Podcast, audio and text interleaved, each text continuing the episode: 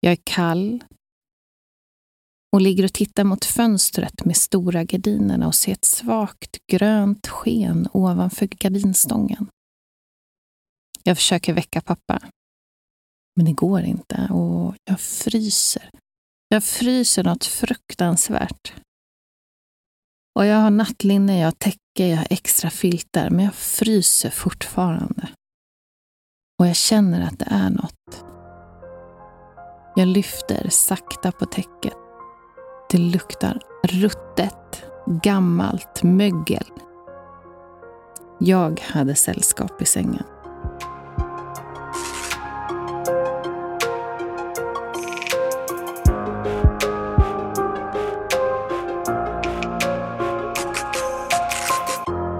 Yes, då är vi på plats igen, Ida. Va? Nu är vi tillbaka. Ah. Oj, hur länge sedan var det sen sist? Ja, när var det vi hade då? Det var ju vår... i juni tror jag vi släppte senaste avsnittet. I juni. Mm. Ja, midsommaravsnittet. Eh, och nu är vi ju tillbaka med avsnitt 21. Säsong eh, Säs- va, äh, fyra. Ja, det Är blir det så? fyra. Ja. What? Säsong fyra. Herregud. ja, vi har så få avsnitt i varje säsong. Så att eh, ja, vi satsar lite mer på många säsonger än eh, många avsnitt. Ja, men med tiden kanske vi hinner förlänga dem. Mm, ja, men någon gång kanske. Mm. Om vi får lite mer tid över till det här så kan vi... Mm. Ja, men så roligt att vi är tillbaka. Ja, jag är superladdad. Jag har verkligen längtat efter det här. Jag hade så mycket energi inför att sätta mig och podda. Man har saknat den och det är kul att man verkligen gör det. Alltså, jag har ju typ inte hunnit sakna den under sommaren heller. Det har ju varit mycket så här, vad har jag hållit på med? Det har ju varit jättemycket bröllop för min del. Och planerade. Ja, och du har ju haft eh, mycket, precis, eh, mycket uppdrag Lite på de här bröllopen. madame-uppdrag Ja. och allt vad det nu är. Så att eh, senaste veckorna, två, Mm. har jag, har jag hunnit sakna och liksom börja ladda upp för det här. Gud, hur hann vi göra en sommarsäsong? Så kände jag den här sommaren. Känns som jag inte hade någon tid alls. Ja, den första säsongen. Men, Men jag älskar ändå när man tänker tillbaka på det. Hur vi mm. liksom satt i våra sommarstugor och försökte podda och jag liksom sprang i panik någon kväll eh, uppifrån sommarstugan ner till sjön för där kunde jag vara i fred, var Ja, tyst och lugnt, jag satt ute och så blev jag så myggbiten. Alltså det var hemskt, men det blev ändå bra. ja, precis. Så jävla sjukt. Ja. Men, eh, ja. Hur som helst. Eh, vad sa vi? Avsnitt 21 är det där vi är avsnitt på. 21. Och eh, ja, men den här säsongen, vad har vi för planer då? För Oj, det vad har här? vi för Det planer? Mycket... Eh, vi, vi, det kommer ju en höst, det är det som är så fantastiskt mysigt. Och så kommer ju halloween som vi också tycker om lite extra. Vi kommer ju ha lite blandat, vi, vi brukar ha det, en liten blandad agenda för säsongen. Ufon, spöken, konspiration. Det, ja, vi kör väl lite samma som vi har gjort, tänker jag. Det har ju funkat bra hittills, så att vi... Varför ändra på någonting som Fungerar? Nej, exakt, fungerar? exakt så. Det är så vi jobbar. Och sen så fortsätter vi ju såklart att ta in eh, vad ni tycker om. Eh, det försöker vi verkligen ta åt oss. Jag hoppas att det speglas Mm. också i våra avsnitt. Eh, för det är superviktigt vad ni lyssnare gillar att lyssna på och om det finns något särskilt som ni är intresserade av. Skriv gärna förslag på ämnen. Det blir vi, det är vi verkligen tacksamma för. Och först ut så har ju vi faktiskt tänkt, som ni kanske listat ut också, En gammal Eh, klassiker. Hemsökta platser i Sverige. Och idag så kommer vi bjuda på två olika ställen som vi kommer att prata om. Och det är Lövsta slott och Häringe slott. Mm. Två slott den här gången. Mm. Vart är det Lövsta slott ligger någonstans? Ja, det här är ju, eh, ja, Lövstad det är ju mina hemtrakter, ska jag säga, i Östergötland. Men eh, det kommer, kommer jag ju säga sen Mm. vart det ligger, tänker jag. Skit i det då, jag tänkte Men... bara vara trevlig. Ja, nu förstörde du mitt avsnitt. ja. Nej, ja. men... Ähm, ja, fan vad jobbigt. Ah, jag, jag är också superspänd på Häringe slott. För det har ju varit någonting som vi har pratat om väldigt länge, att vi ska åka dit. Jag kommer ihåg, alltså, det, var, det var innan vi ens det här, liksom, när vi jobbade ihop. Just det, det gjorde vi ja. Vi sa att mm. vi, ja. Alltså vi kommer aldrig, jag kommer aldrig, ja, nej, ja. Nej. Alltså kanske en dagslunch. Lite häng vid poolen, sen åker vi hem. Mm. Mm. Ja, vi får se, vi får se. Ja, jag är idel öra. Härligt. Häng med.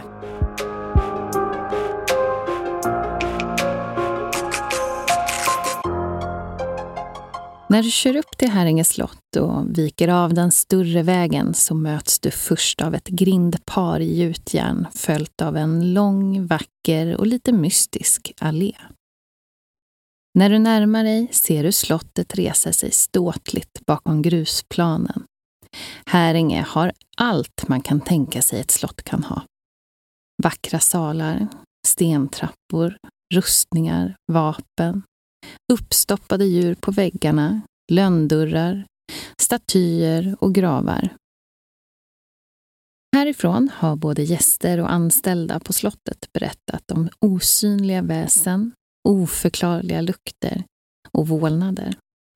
Så nu ska ni få höra lite mer om Häringe slott.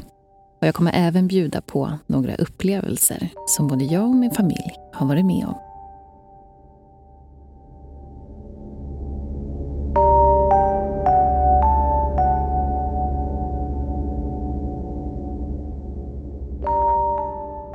Häringe slott har haft många ägare sedan viking Sote först gjorde anspråk på Häringehalvön kring år 1000. Alla ägare har haft mer eller mindre storhetsvansinne. Nästintill obegränsade resurser. Det har varit prilliga adelsmän och storslagna företagare. De har haft en förkärlek till dekadens, skandaler, glamour och fest. Jag menar, vem som helst anlägger ju inte Sveriges första utomhuspool med tillhörande rutschkana från badrummet på andra våningen. Byggnaden som du ser idag här ute vid Södertörn var den som Gustav Horn lät bygga under 1600-talets mitt. Men förmodligen så står den också på betydligt äldre murar än så. Här ute har till och med kungliga härskat. En av dem, hertig Magnus, Gustav Vasas yngste son som sägs ha varit förälskad i en sjöjungfru. Men under 1900-talet fick dessa flytta på sig till fördel för industrimagnaterna. Bland dem Torsten Kreuger. Det här var bron till finansgeniet Ivar Kreuger. Ivar som kanske mest är känd som tändstickskungen Mannen som var så rik att han lånade ut pengar till länder som Frankrike, Polen, Tyskland och hade 250 fabriker i över 43 länder. På 1930-talet så har vi Torsten då, brodern till Ivar. Han hade tagit över Häringe slott och såg till att rusta upp det här.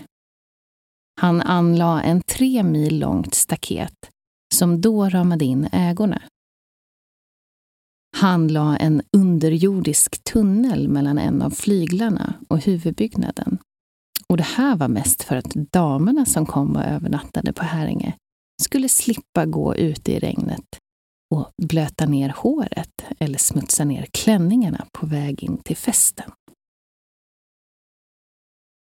Han anlade inte bara det, utan även en kägelbana en utomhuspool med dåtidens olympiska mått och smyckade slottsträdgården. Trots att han var gift tre gånger om så kom aldrig hans fruar och barn dit eftersom herr Kröger såg det som sitt Playboy Mansion. Under hans tid på Häringe så ägde han Aftonbladet, Stockholms Dagblad och Stockholms-Tidningen när krisen väl kom och hans sfär rasade samman så såldes slottet till industrimagnaten Axel Wennergren. Det sägs att hans fru, Marguerite Gontier, en amerikanska, länge hade suktat efter Häringe. Och när affären var klar ska Axel ha ringt till sin fru. Honey, Häringe is yours. Margaret var som sagt från USA och hade tagit sig därifrån till Sverige för att uppträda som sopran på Operan i Stockholm. Redan som 19-åring så gifte hon sig sen med Axel Wennergren. Paret Wennergren fyllde slottet med vackra möbler, silver och andra antika föremål. Margaret gillade att klä sig i starka färger. Hon drack alltid cocktail och hade ett särskilt cocktailrum med ekpaneler på väggarna. Och bakom panelerna så hade hon ju såklart gömt kylskåp som dryckerna stod i. Hon blev känd för att anordna storslagna fester och dåtidens storheter som Greta Garbo, Danny Kaye, Elizabeth Taylor och Josephine Baker var alla där och festade med andra högaktade gäster. Direktör Wennergrens sovrum var ett väldigt enkelt sådant medan Margret hade en stor och bred sidendraperad säng och runt om den stod det alltid uppradade tofflor. Närmare sagt 40 par. Det sägs att hon var väldigt vidskeplig och rädd för spöken. Så om någon toffla hade rört sig på morgonen, då visste hon att hon hade haft besök.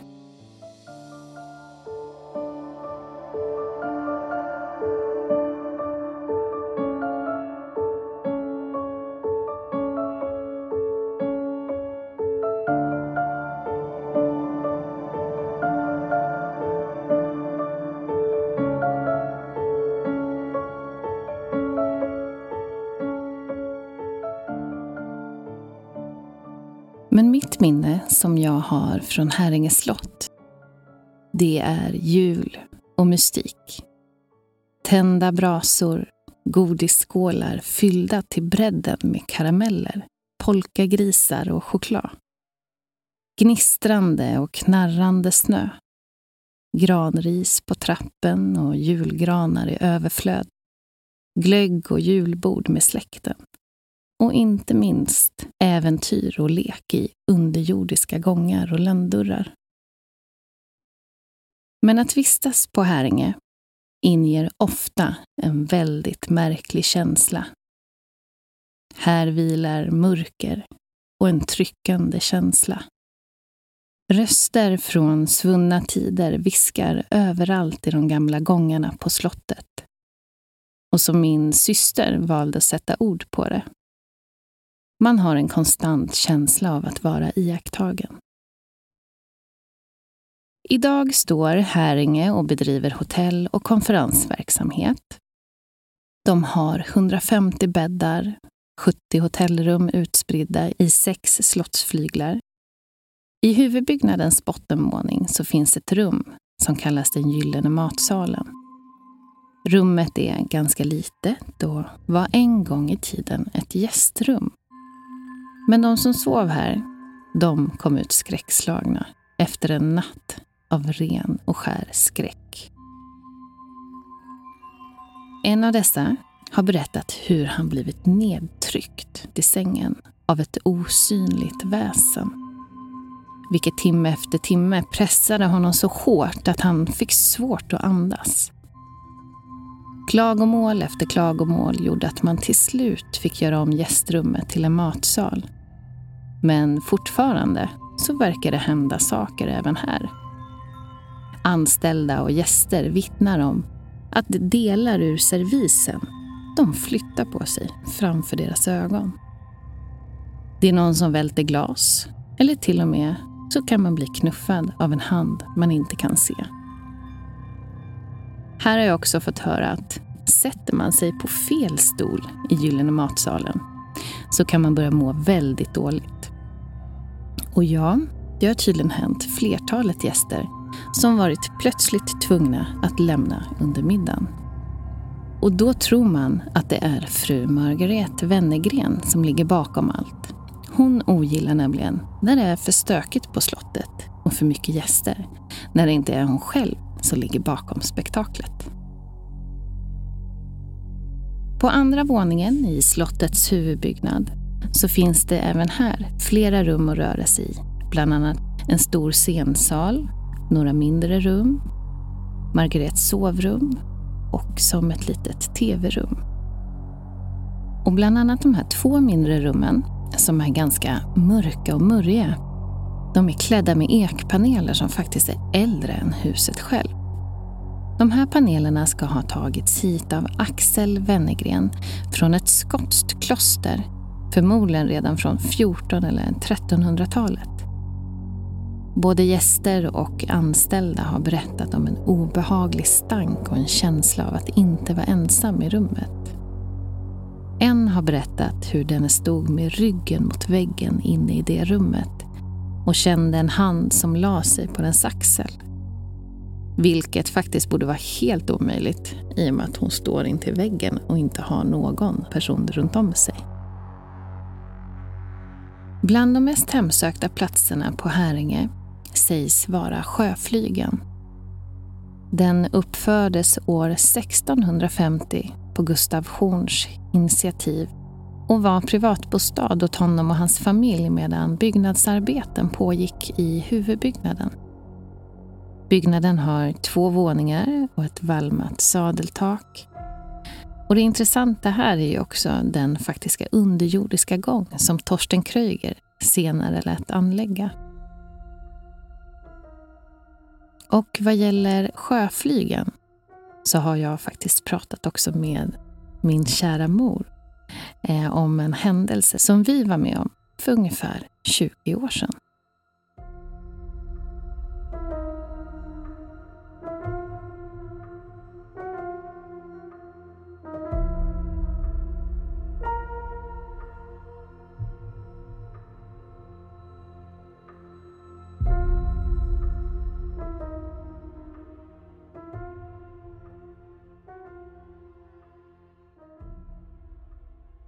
Min mamma berättar för mig.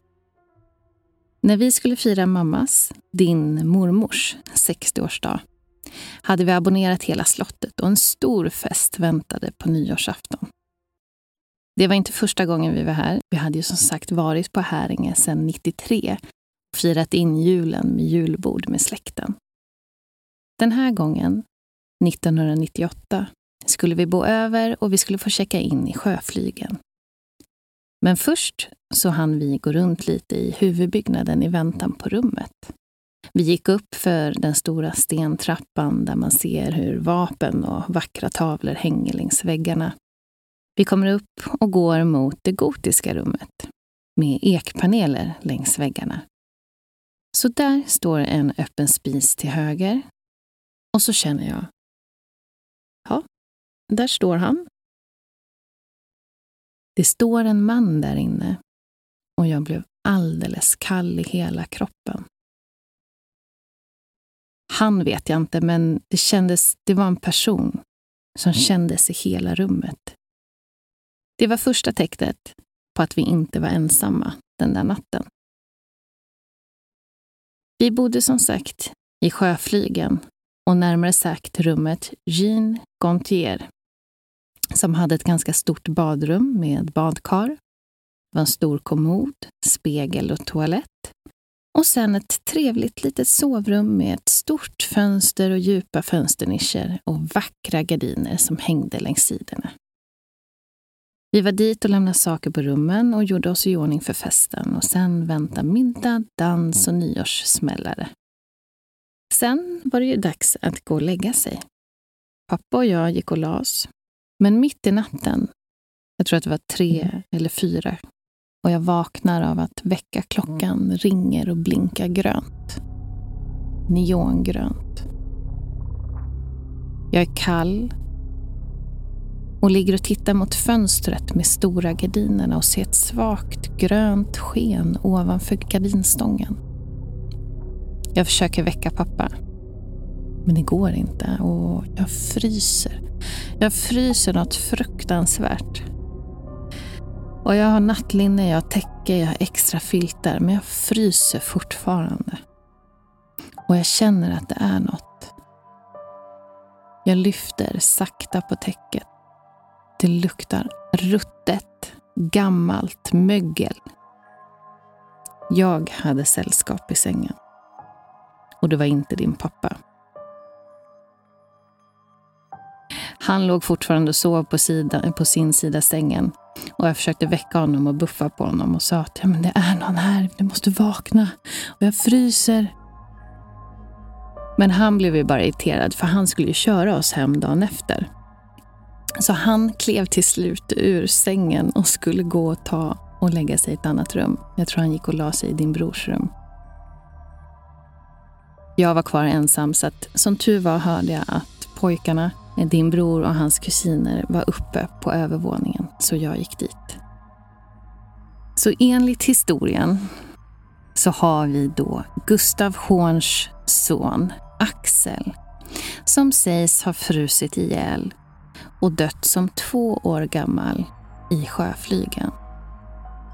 Det är flera gäster som säger sig hört barn gråta och känt hur ett iskallt barn krupit ner i deras säng. Han är ett sorgset, men snällt spöke.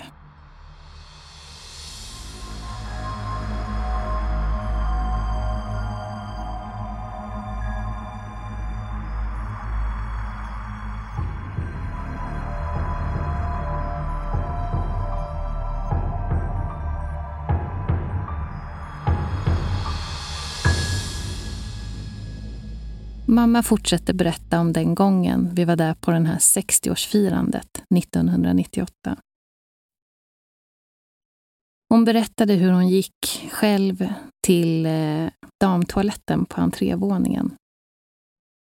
Hon gick in på en av de mindre toaletterna och satt där med sin stora svarta sammetsklänning och känner att det är någon som försöker trycka ner henne i toaletten. Det är ett enormt tryck ovanifrån. Så hon, helt ensam, drar upp den här finstassen och springer ut så fort hon bara kan från toaletten. Hon var inte välkommen där inne. Och även den här natten som 60-årsfesten var på Häringe slott så hade man en musiker som sov i Greta Garbos rum. Det här var också ute i sjöflygen. Han var det nästan ingen som såg morgonen efter. Han hade tagit sitt pick och pack och sprungit ut från Häringe slott. Ingen vet vad han hade fått vara med om. Men jag kan bara gissa. Ett senare tillfälle när vi var hela familjen samlade och var på Häringe slott på julbord jag kommer inte ihåg vilket år det var, men jag kommer ihåg händelsen så väl. Jag och mamma eh, hade gått upp för stentrappan och in i stensalen. Här uppe brukade vi alltid gratta mormor med presenter inne i gotiska rummet. Där man också i och för sig fick en känsla av att det är nog några fler här än bara vår familj. Efter lite kaffe och kaka så tog vi och gick in i Margarets rum. Vi skulle gå på toaletten. Det är ett eget badrum. Det är väldigt vackert. Det är alldeles gyllene. Och vi var där en stund och så skulle vi tvätta händerna. Och på kommoden där på bänken så stod det två ljus bredvid varandra. Det kanske var en halv meters avstånd. Och helt plötsligt så började ett av ljusen fladdra som att det var stormvind där inne. Och vi tittar på varandra och undrar vad det är som händer.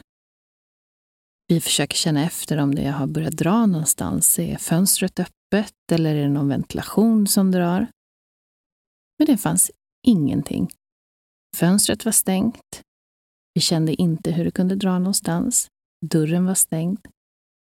Och när vi gick därifrån då slutade ljuset att fladdra. Sen berättade min mamma en annan händelse från när vi satt i den gyllene salen på ett julbord. Var det så här, när vi satt i det vita rummet, den gyllene salen, så sitter jag där och har din man bredvid mig. Och så sitter jag med ryggen mot det stora fönstret i salen. Det är ganska djupa nischer och så vrider och vänder på mig för det kändes som att det var någon bakom mig som rör vid mig. Det var någon som liksom sprang fram och tillbaka vid, längs fönsterväggen och, och liksom kom åt mig hela tiden. Jag blev störd. Jag frågade servitrisen som kom om det spökade här för att det är någon som springer bakom mig. Då lutar hon sig fram och säger Ja, vet du, det är en naken man här bakom. Då är det så här att där toaletterna ligger idag så har det funnits en inomhusbassäng eller pool och där ska faktiskt en man ha drunknat. Och det är faktiskt han då som brukar visa sig springandes naken i Häringes lokaler. Han verkar inte ha kommit över till andra sidan, så att säga. Så man vet aldrig riktigt vad som väntar på Häringe slott. Det finns nog ingen riktig ondska där, vad jag har känt. Men man känner sig alltid iakttagen. Och som sagt så infinner sig en väldigt märklig känsla när man rör sig runt i korridorerna på Häringe slott.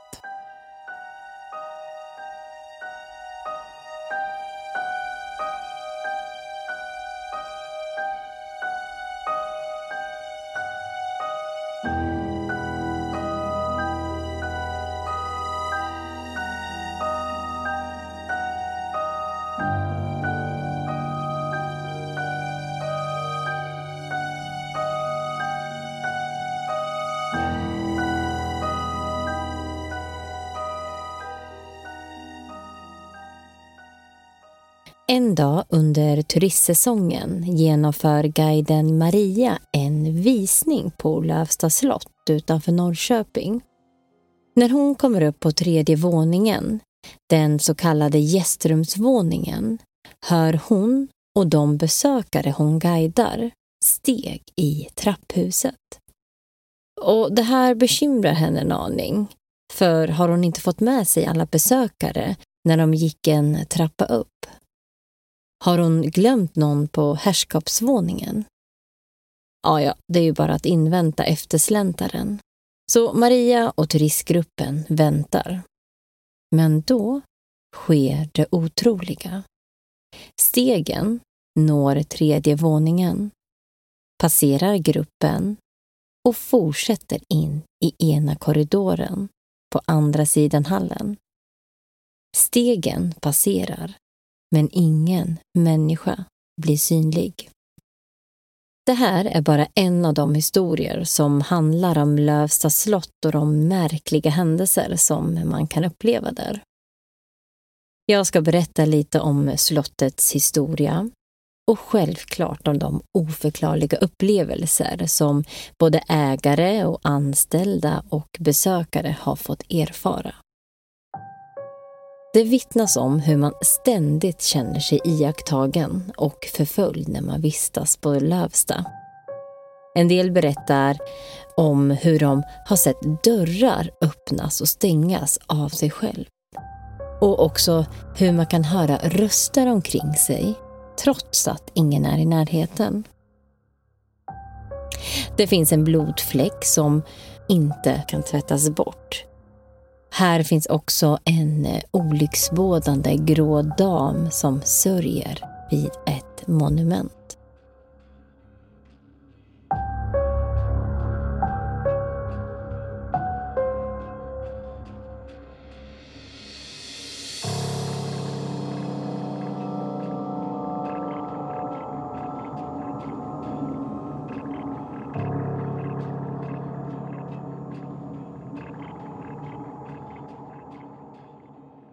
Lövsta slott ligger drygt en mil sydväst om Norrköping i Kimsa socken i Östergötland. Det var Kristina Mörner, även kallad Liljekärringa, som fick godset Lövsta i morgongåva av sin make, Axel Lilje. Axel han var en fältmarskalk och var en av dem som ledde Sverige till framgång under det 30-åriga kriget, då Sverige blev en stormakt i Europa. Han var en mycket framgångsrik krigare, men det här fick sig en ordentlig törn 1631. För under en belägring i Tyskland blir han beskjuten i sitt vänstra ben. Han överlever som tur är attacken men får amputera bort hela benet och det här ersätts istället med ett träben. Men Axel, han är envis och fast besluten om att eh, han ska minsann fortsätta sin militära karriär. Och det gör han också. I och med att Sverige hade stora framgångar i det 30-åriga kriget så skeppades många värdefulla föremål hem till oss från Europa. Och många av de här föremålen användes sen också för att smycka nya palatsbyggen runt om i Sverige. Axel, han vill ju såklart inte vara sämre. Så hemma skulle nu godset Lövsta göras om värdigt en man av Axels dignitet. Han lät uppföra slottet 1637 och det stod klart 23 år senare. Det här det var ett magnifikt bygge och det hade många europeiska influenser. Till exempel hade det stora figurmålningar av hästar och troféer som prydde slottets fasad. Här spenderade faktiskt Axel mestadels av sin tid när han såklart inte var ute i krig. Han sägs ha varit en maktgalen och girig man men kanske var det här ett sätt för att kompensera det handikapp som han faktiskt hade. För under kriget så lärde han sig att roffa åt sig så mycket som möjligt av krigets frukter. Och det här gjorde att han skapade sig en enorm förmögenhet. En förmögenhet som enligt sägen finns gömd någonstans på Lövstas ägor. Det sägs att han på sin dödsbädd var på väg att avslöja var den här fanns gömd någonstans. Men hinner avlida innan han fick ur sig orden. Axel Lilje dog på Lövsta 1662.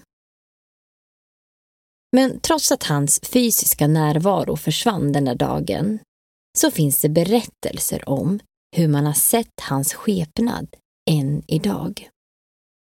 Men kanske finns det ännu fler berättelser om hur man kan höra någon halta omkring i de pampiga salarna.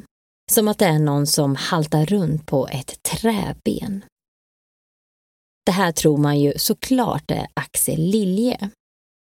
Kanske en av anledningarna till att han vägrar lämna Lövsta är för att han vaktar sin skatt så att den inte hamnar i orätta händer.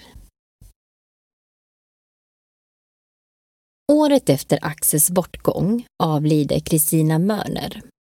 Och hon ska heller inte ha kunnat lämna det hem som hon älskade så mycket. De anställda på slottet tror att det kan vara Kristina som gör att de ständigt känner sig iakttagna. För ibland kan man höra att någon går bakom en. Som en frasande sidenkjol som släpar på golvet och ibland också nycklar som skramlar. Kristina sägs vara den som fortfarande håller ett vakande öga på Lövsta.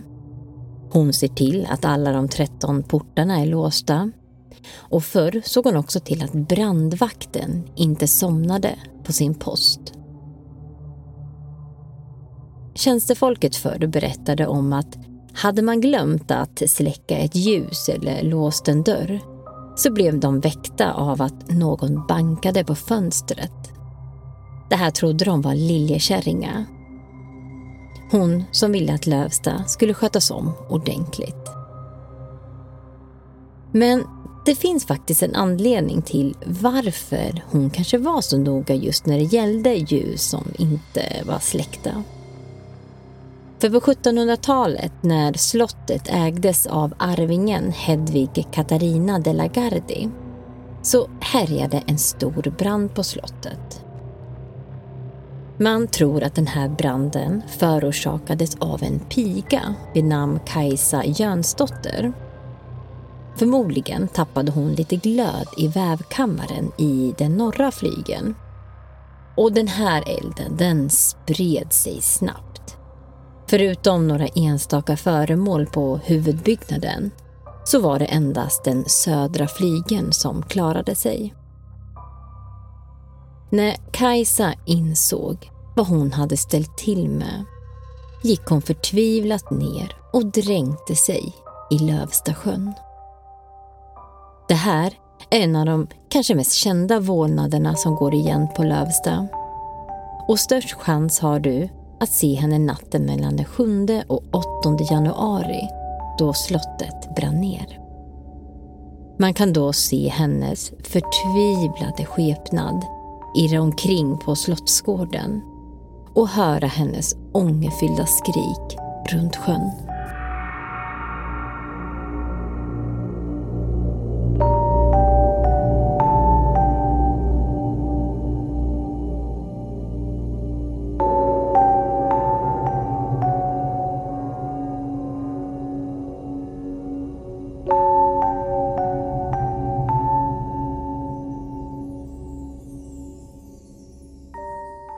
Återuppbyggde slottet med en mer tidsenlig konstruktion och det är den byggnaden som vi också ser idag. En annan historia handlar om en okänd officer som ska ha bott på slottet på 1700-talet. Han ska ha blivit påkommen med att ha sålt statshemligheter till Ryssland. Sveket det uppdagade sig i rum 13 på Lövsta där han bodde. Och en strid ska ha uppstått som slutade med att han förblöddes på golvet. Idag kan man fortfarande se spår efter den här blodfläcken. Man har försökt att tvätta bort den, men så fort golvet har torkat så dyker den upp igen. För hur mycket man än skrubbar och skurar och till och med målar över den så gör den sig synlig så fort golvet har torkat. Rum 13 är också det mest hemsökta rummet på slottet. Och större delen av 1800-talet så fick man faktiskt till och med bomma igen rummet för att det var så mycket aktivitet. Man försökte till exempel att tapetsera rummet men varje morgon så hade tapeterna av oklar anledning rivits ner.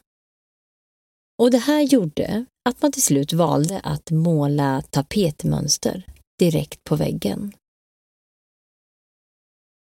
Och ifrån rummet så kan det höras skrapande ljud av tunga saker som drar över golvet. Det här tror man kan vara ifrån de här människorna som under branden 1750 försökte i panik tömma slottet på möbler och värdeföremål. Anställda vittnar också om garderobsdörrar som oförklarligt flyger upp och skepnader som sitter vid ett spelbord. I det här rummet tycker sig också vissa besökare se en man i ålderdomlig klädsel sitta i en soffa. Och många tycker att rummet har en atmosfär som de förknippar med fest och glädje. Men det här kanske inte riktigt alla håller med om. För till exempel på 1920-talet så ska en betjänt ha stått och putsat gevärsskåpet i rummet när han får en rejäl dunk i ryggen. Han vänder sig om och ser hur Axel Lilje försvinner in i garderoben. Han eh, är modig nog och följer efter, men det är såklart helt tomt. Kristina de la Gardie var gift med Axel von Fersen den äldre. Och det är deras son Axel von Fersen den yngre som ni kanske har hört talas om. Han som sades ha haft en romantisk relation med Marie Antoinette. Slottet ärvdes sen av eh, deras dotter, alltså Kristina och Axel von Fersen den äldres dotter, Sofie Piper. Och efter att hennes bror, Axel von Fersen den yngre, brutalt mördades av pöbeln i Stockholm 1810 så kunde hon inte längre vara kvar i Stockholm utan flyttade därför till Lövsta för gott. Och här lät hon sedan också uppföra ett minnesmonument för sin bror. Och hon sörjde honom varje dag ända fram till sin död. På Lövsta kallar man henne idag för den grå damen. Man kan se hennes grålysande skepnad vandra omkring vid slottet och oftast kring monumentet. Men hon visar sig endast när någon närstående ska dö. En betjänt på Lövsta berättade om en händelse. Det var tidigt på julaftonsmorgon. Nere i parken var det mörkt och jag kom ifrån ladugården och skulle upp på Slottsgården. När jag kom nere vid dammen, inte långt ifrån monumentet över greve Axel von Fersen, kom någon emot mig. Jag trodde att det var någon av tjänarna men när hon kom närmare så såg jag att det var hon. Hon stirrade på mig med sina stora ögon och jag blev som förstenad. När hon gått förbi vände hon sig om och såg upp mot slottet. Sen försvann hon.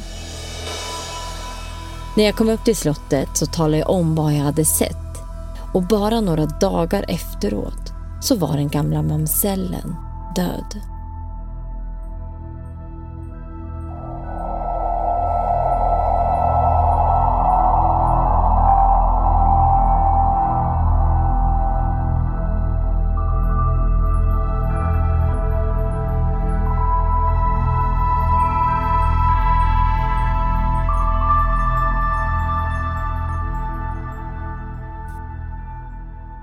Den sista ägarinnan av slottet var Emily Piper som ärvde slottet 1902. Hon hade själv vittnat om flera oförklarliga händelser i sitt hem. Men hon trodde dock bara att det här var vänliga andar som ville se till att Lövsta slott sköttes väl. Hon berättar dock om en händelse i rum 13. Hon sa Slottet gästades en gång av en baron. En stor, stark kar som ingen kunde tänka sig skulle bli skrämd. Han skulle ligga i spökrummet. Då han på morgonen därpå kom ner till frukosten var han grönblek i ansiktet. På våra frågor ville han inte svara, men han ville ej heller stanna kvar längre utan reste härifrån under dagens lopp. Ingen har någonsin fått veta vad han hade sett eller upplevt. Lövsta slott är unikt eftersom att det endast har gått i arv och aldrig sålts. Eftersom Emily själv aldrig fick några barn så skrev hon i sitt testamente att ingenting fick förändras i det Fersenpiperska hemmet och därför så skänkte hon det till Östergötlands museum 1926. Och det är de som äger det än idag. Idag vittnar gäster om att de har sett Emily skrida omkring på slottet. Flera berättar hur de har sett henne resa sig ifrån sin säng och gå ut från sovrummet. Man ska även faktiskt ha sett den grå damen strax innan Emily gick bort. Men det finns faktiskt mer sentida spöken och ett av dem ska vara vaktmästaren Sven Karlsson. När han dog 1972 så stannade slottets tid ur. Ett år senare hände samma sak Slottets tidur stannade exakt samma tid som när Sven Karlsson ett år tidigare hade gått bort. Det finns också de som har vittnat om att de har sett Sven. En värdshusanställd berättar om hur hon gick en trappa upp i ett ärende. Hon får då syn på den gamla vaktmästaren en bit längre bort i korridoren. Hon blev så rädd att hon rusade ner för att hämta en kollega. Men när de kom tillbaka så var korridoren tom. När jag sökte runt på internet så hittade jag också ett inlägg som gjorts av Skattungs dekorationsmåleri. Och de hade gjort det här inlägget efter ett jobb de hade utfört på Lövsta. De skrev Oj, vad det har spökat på slottet när vi har målat där. Det har knackat, slamrat, bankat, skrapats med möbler, dundrat som om någon möblerar om. Röster och ibland sol av massor av röster som pratar. Men ingen är där. Tydliga steg på sten och trägolven som kommer mot oss och går iväg igen, men ingen är där. Från paradvåningen har vi hört en sorgsen, ledsen kvinnoröst som sköljer sorg och smärta över ens själ.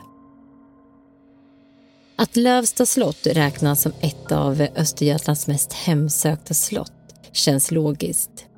Åk dit om du törs. Förutom att spökena är lite läskiga är det en helt galen vacker plats att besöka. Tiden stannade i slottet när Emily Piper dog 1926 och alla hennes saker finns kvar. Precis på samma plats som det var när slottet var ett levande hem.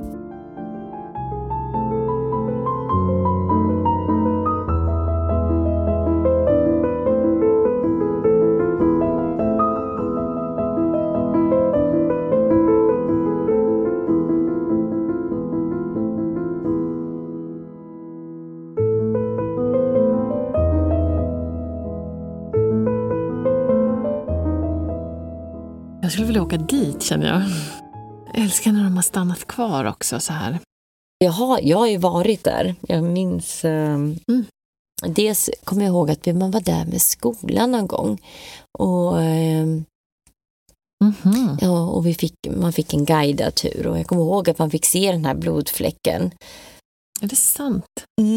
Som, eh, jag vet inte kanske vad jag förväntade mig, jag var ganska ung då så jag tänkte väl att man skulle få se en röd fläck på den delen Mm. kanske, men det var ju verkligen, det såg ut som en här smutsfläck. Det så här, Mm. känns som kanske något som har rostat, men Mm. eh, ja, det, det finns en fläck i alla fall. Mm. Det vet jag man fick se. Och, eh, ja, men det är häftigt det där att, eh, att det är så väl bevarat. Mm. Jag tänker kanske enklare då att de lever kvar också. Mm, är det De lever hur? Kvar. Ja, Mm. de känner igen sig. Och, Alltså men gud vad obehagligt om man är där. Som det här måleriet, det var ju super... Alltså helt plötsligt folk knackar eller man hör steg liksom komma emot sig och så bara... Nej, det är verkligen ingen där. och man har ju ändå också hört, tänker jag, att det blir mer aktivitet när man renoverar ett ställe. Att anledningen är då att spökena blir lite arga för att de vill Mm. att det ska vara som när de levde. De gillar inte att man ja. ändrar om. Så att jag kan tänka mig att det kanske blir då mer aktivitet när det är Inkräktar. Ja, men inkräkta på deras Ja. slott, ja. Så att, ja. Och sen hon, eh, Emily Piper då, som bodde där, den sista ägaren, att hon hade ju fått uppleva jättemycket. Mm. Hon var ju helt övertygad om att, ja men här, ja men det finns någonting Mm. här liksom. Att det, är- det är inget konstigt. De är här. De ser bara till att det ska, De är här. bara, mm, de är här. Ja men det, varför hon är du kvar här någon, då? ja. Mm. Det är ju arvegods vet du. Skulle du göra om med slottet? Kanske inte om man har lovat. Nej, precis. Och det var väl ändå fint då att hon skänkte det när hon inte fick några egna barn. Ja, men verkligen. Nej, men det enda negativa är väl att när det inte är hotell då, för då har man inte kanske så många eh, upplevelser från Mm. som man har när det är ett hotell nu och gäster som har upplevt saker, utan här är det ju Mycket bakåt i tiden, men också de som jobbar där. Och... mycket av dem har mer. Mm.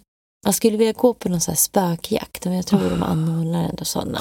Eller spökjakt. Spökvandring. Eh, spökvandringar. Jag vet.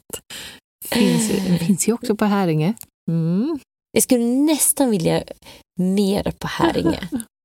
Förlåt, alltså jag brukar ändå vara den som eh, tycker det känns lite jobbigt, men jag blir nästan mer taggad. Det, jag tror bara för att Ja. det är någonting vi pratar så länge om. ja, det är faktiskt sant. Jag har suttit i länge. Men det är, ja, det är ju någon spökvandring. De har ju sånt i regin där på hotellet. Men sen vet jag, det har ju varit alltså väldigt mycket utredningar på Häringe slott. I och med att det är väldigt känt.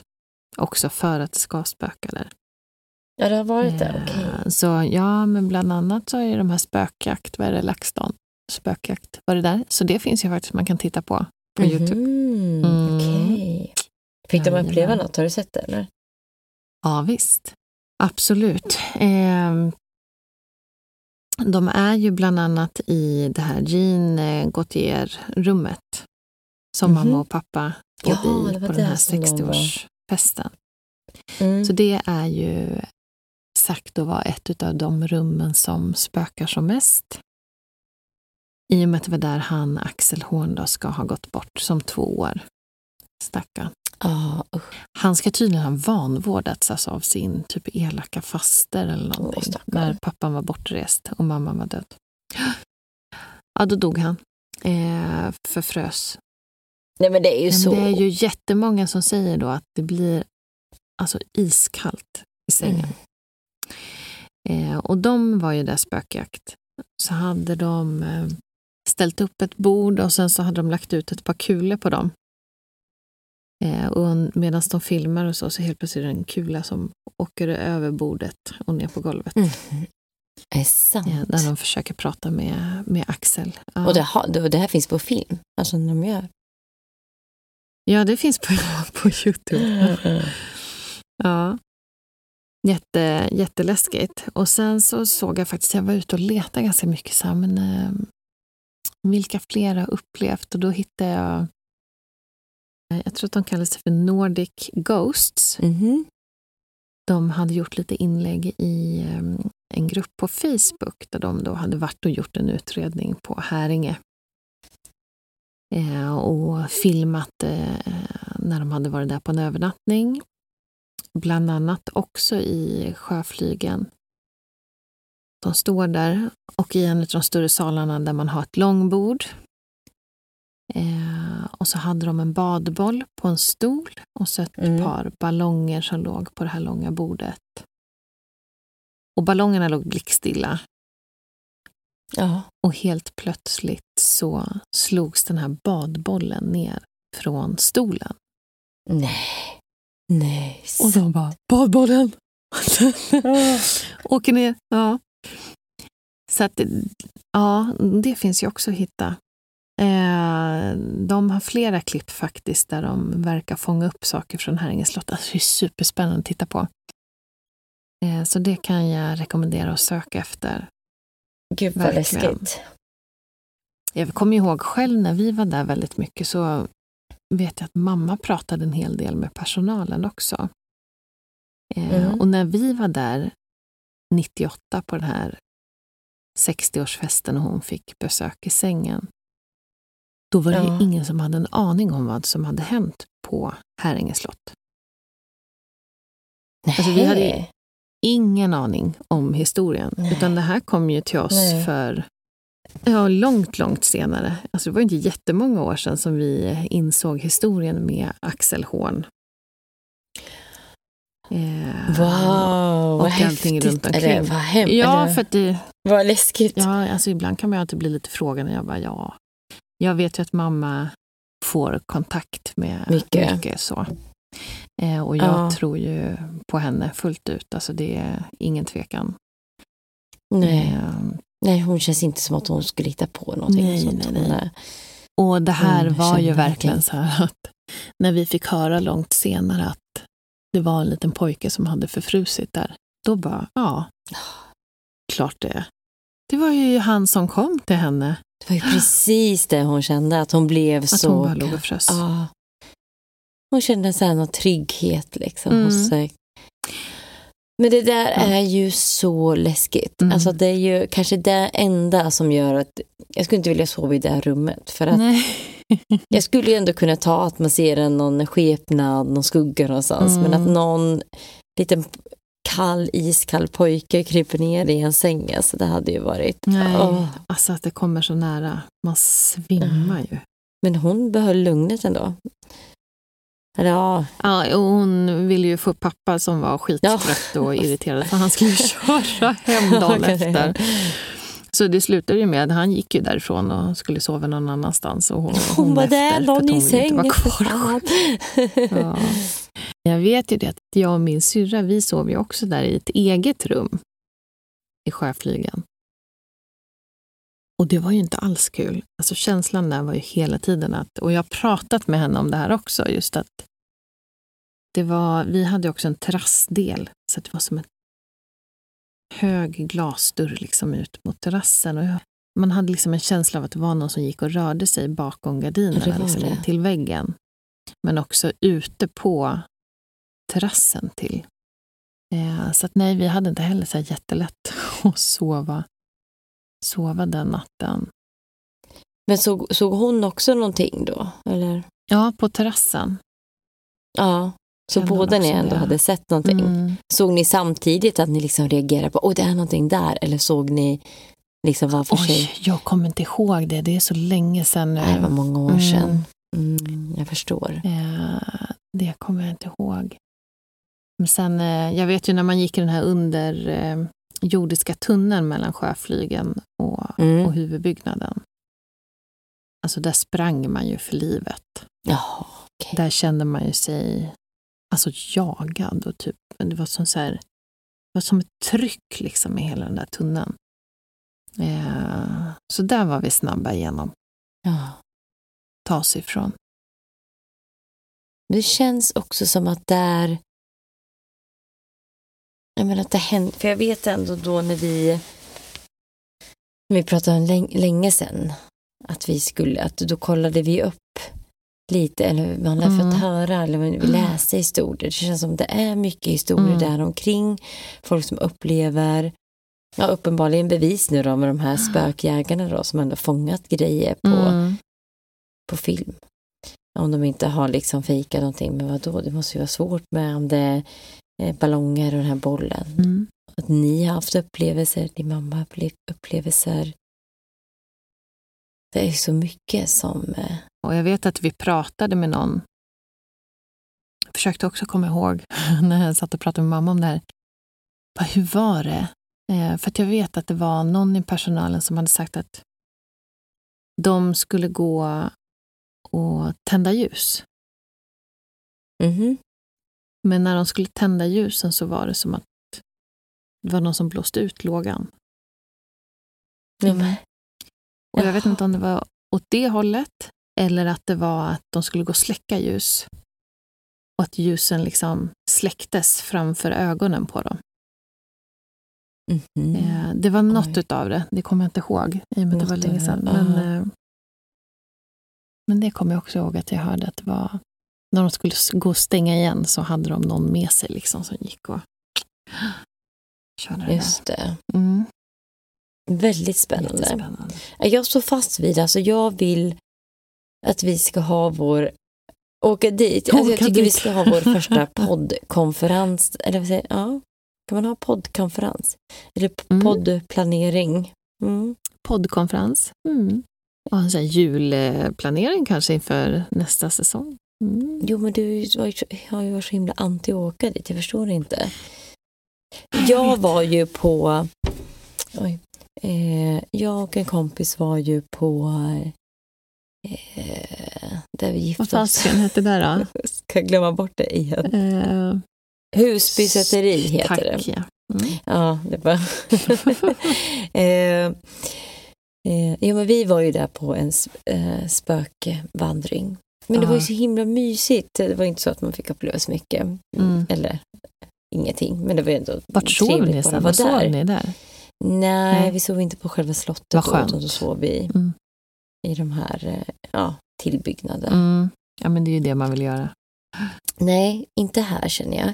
Men då var det så himla mysigt. Du vet, Va? man åt middag på slottet och man tog en Mm. drink efteråt och bara få vara i de här miljöerna. Bara det tycker jag är så här. Mm.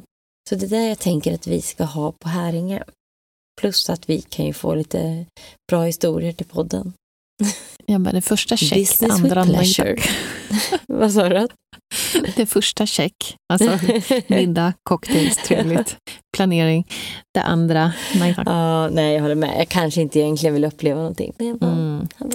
Nej, men jag ska väl tillägga liksom att det har ju aldrig varit det är ju inte så att man känner någon ond närvaro, utan det är ju bara liksom att det är, Nej, just det. Det sa ni ju ändå. Det, det är något där.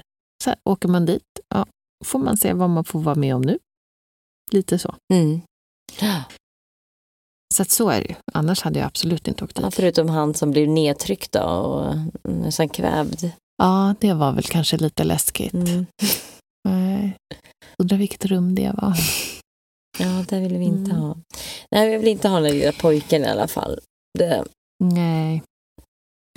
Och Lövsta, jag tycker jag låter så himla fint också. mm. det är jätte, Lite jättefint. mer Det är jättefint där omkring. Ja. Ja. Och jag skulle vilja gå runt där igen. När man och bara får se liksom att, och tänka så här, men gud, så här bodde de verkligen i och med att Mm. ingenting är rört. Mm. Och visst att ja, 1926, men jag kan tänka mig att hon, hon har säkert kanske sa- satt sin prägel på det lite, men att hon är säkert kvar mycket ifrån. Bevarat sen tidigare. Ja. Ja, Mm. exakt. Så att det är verkligen som att man kommer in i ett hem på ett annat sätt. Att inget är omgjort till ett hotell, utan det här Mm. är det här är ett hem som man kliver rakt in i. Mm. Det tycker jag ändå är lite häftigt. ja, det är läckert faktiskt. Och eh, ja, nej, men här händer det ju mycket, mycket Ja, lite saker ruggiga också. historier. Ja. Mm. Och, jag, och speciellt när man ändå får höra ja, men de som hade då målat där, eller gjort något Mm. så här, ja, målerijobb, att åh gud vad det har hänt grejer när vi har varit där och Mm. jobbat och knakat. Alltså, så då, Exakt. Tänk vad mycket Tanken. sånt de borde få vara med om, mm. tänker jag. Om de är på flera sådana Ja, precis. Ställen. slotts. Ja. Jag gillade ju henne, Margaret. Hon kändes som en kvinna i, I våran i smak, i våran smak. ja, men hon var ju eh, ja, men rätt ball alltså. Ja, eller hur? Hon känns lite girl power, gjorde hon inte det? Att det Ja. var, Ja, men hon eh, körde ju verk, verkligen på. I- hon det bara, hade- jag vill ha det finaste rummet. Han bara, han har ett enkelt rum själv. Hon bara, Ja, alltså herregud. Det är ju svinstort Är det med tillhörande sant? klädkammare och, Mm. och sådär. Eh, nej men tänk dig de festerna Ja, med så här kändisar liksom. eller hur? Att alla kom dit. Och jag älskar att hon har bara ett cocktailrum. Mm, Jag vill också ha ett cocktailrum. eller hur? Va- Var är Var det mitt någonstans? Ja, Ja. exakt. Det borde alla ha. Nej. Nej, det låter ju riktigt fint. Nej, men det kan vara häftiga fester. Greta Garbo. Ja, hon hade ett eget rum där. Mm. Det var ju jättemycket kändisar som kom till Häringe och festade där.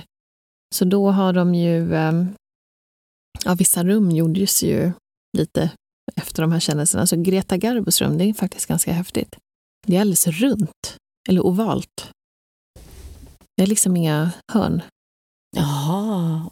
Eh, Så det är faktiskt ganska häftigt. Och där är ju också en så här originalinredning sen, ja, vad kan det vara? Ja, tidigt på 1900-talet. Det är därför de, de har ju döpt då rummen efter de här kändisarna.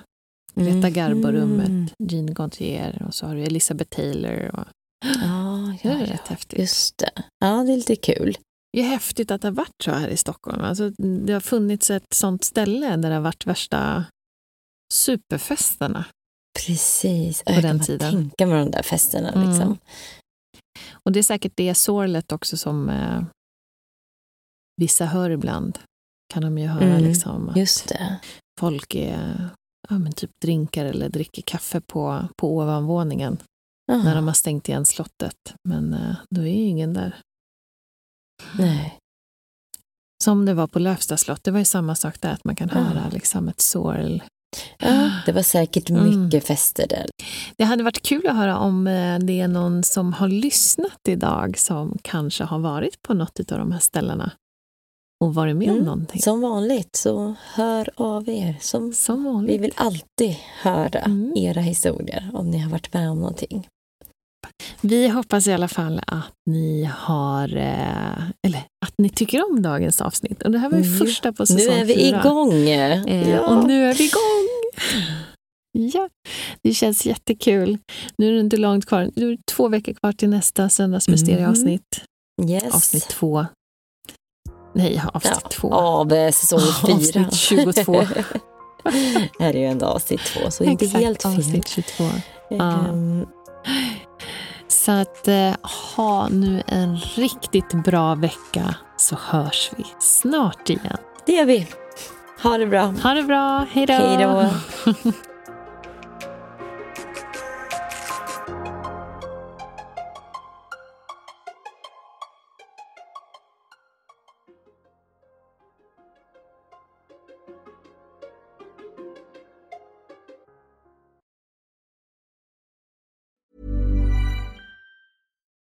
Spring? Is that you? Warmer temps mean new Allbirds styles. Meet the Super Light Collection, the lightest ever shoes from Allbirds, now in fresh colors.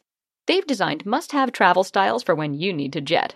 The lighter than air feel and barely there fit makes these shoes some of the most packable styles ever.